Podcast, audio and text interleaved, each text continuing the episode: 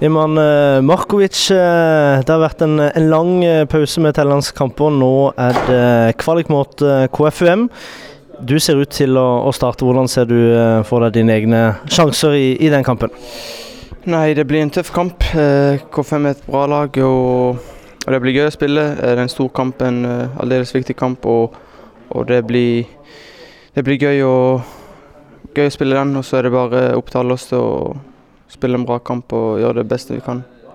Hvordan ser du tilbake på din uh, høstsesong? Vært litt uh, eh, påvirka litt skade og sykdom siden du kom til klubben, men uh, hvordan er formen din nå?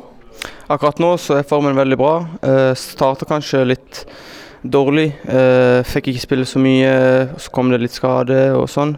Men så har jeg gjort det beste ut av det, trent godt og, og tatt sjansen når jeg fikk den. Og, ja, så nå ser alt veldig bra ut. Har du spilt en, en viktigere kamp uh, før enn det som kommer på, på, søndag?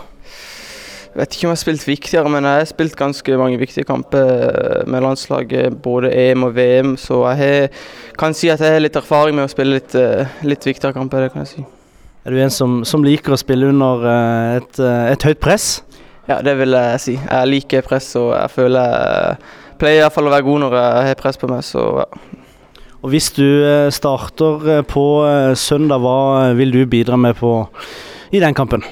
Først og fremst vil jeg bidra med en god, god defensiv jobb, gi alt jeg har der. Og så kommer jeg til å prøve å kombinere med spillerne, skape mye sjanse og prøve selvfølgelig å skåre mål eller få assist hvis det er mulig.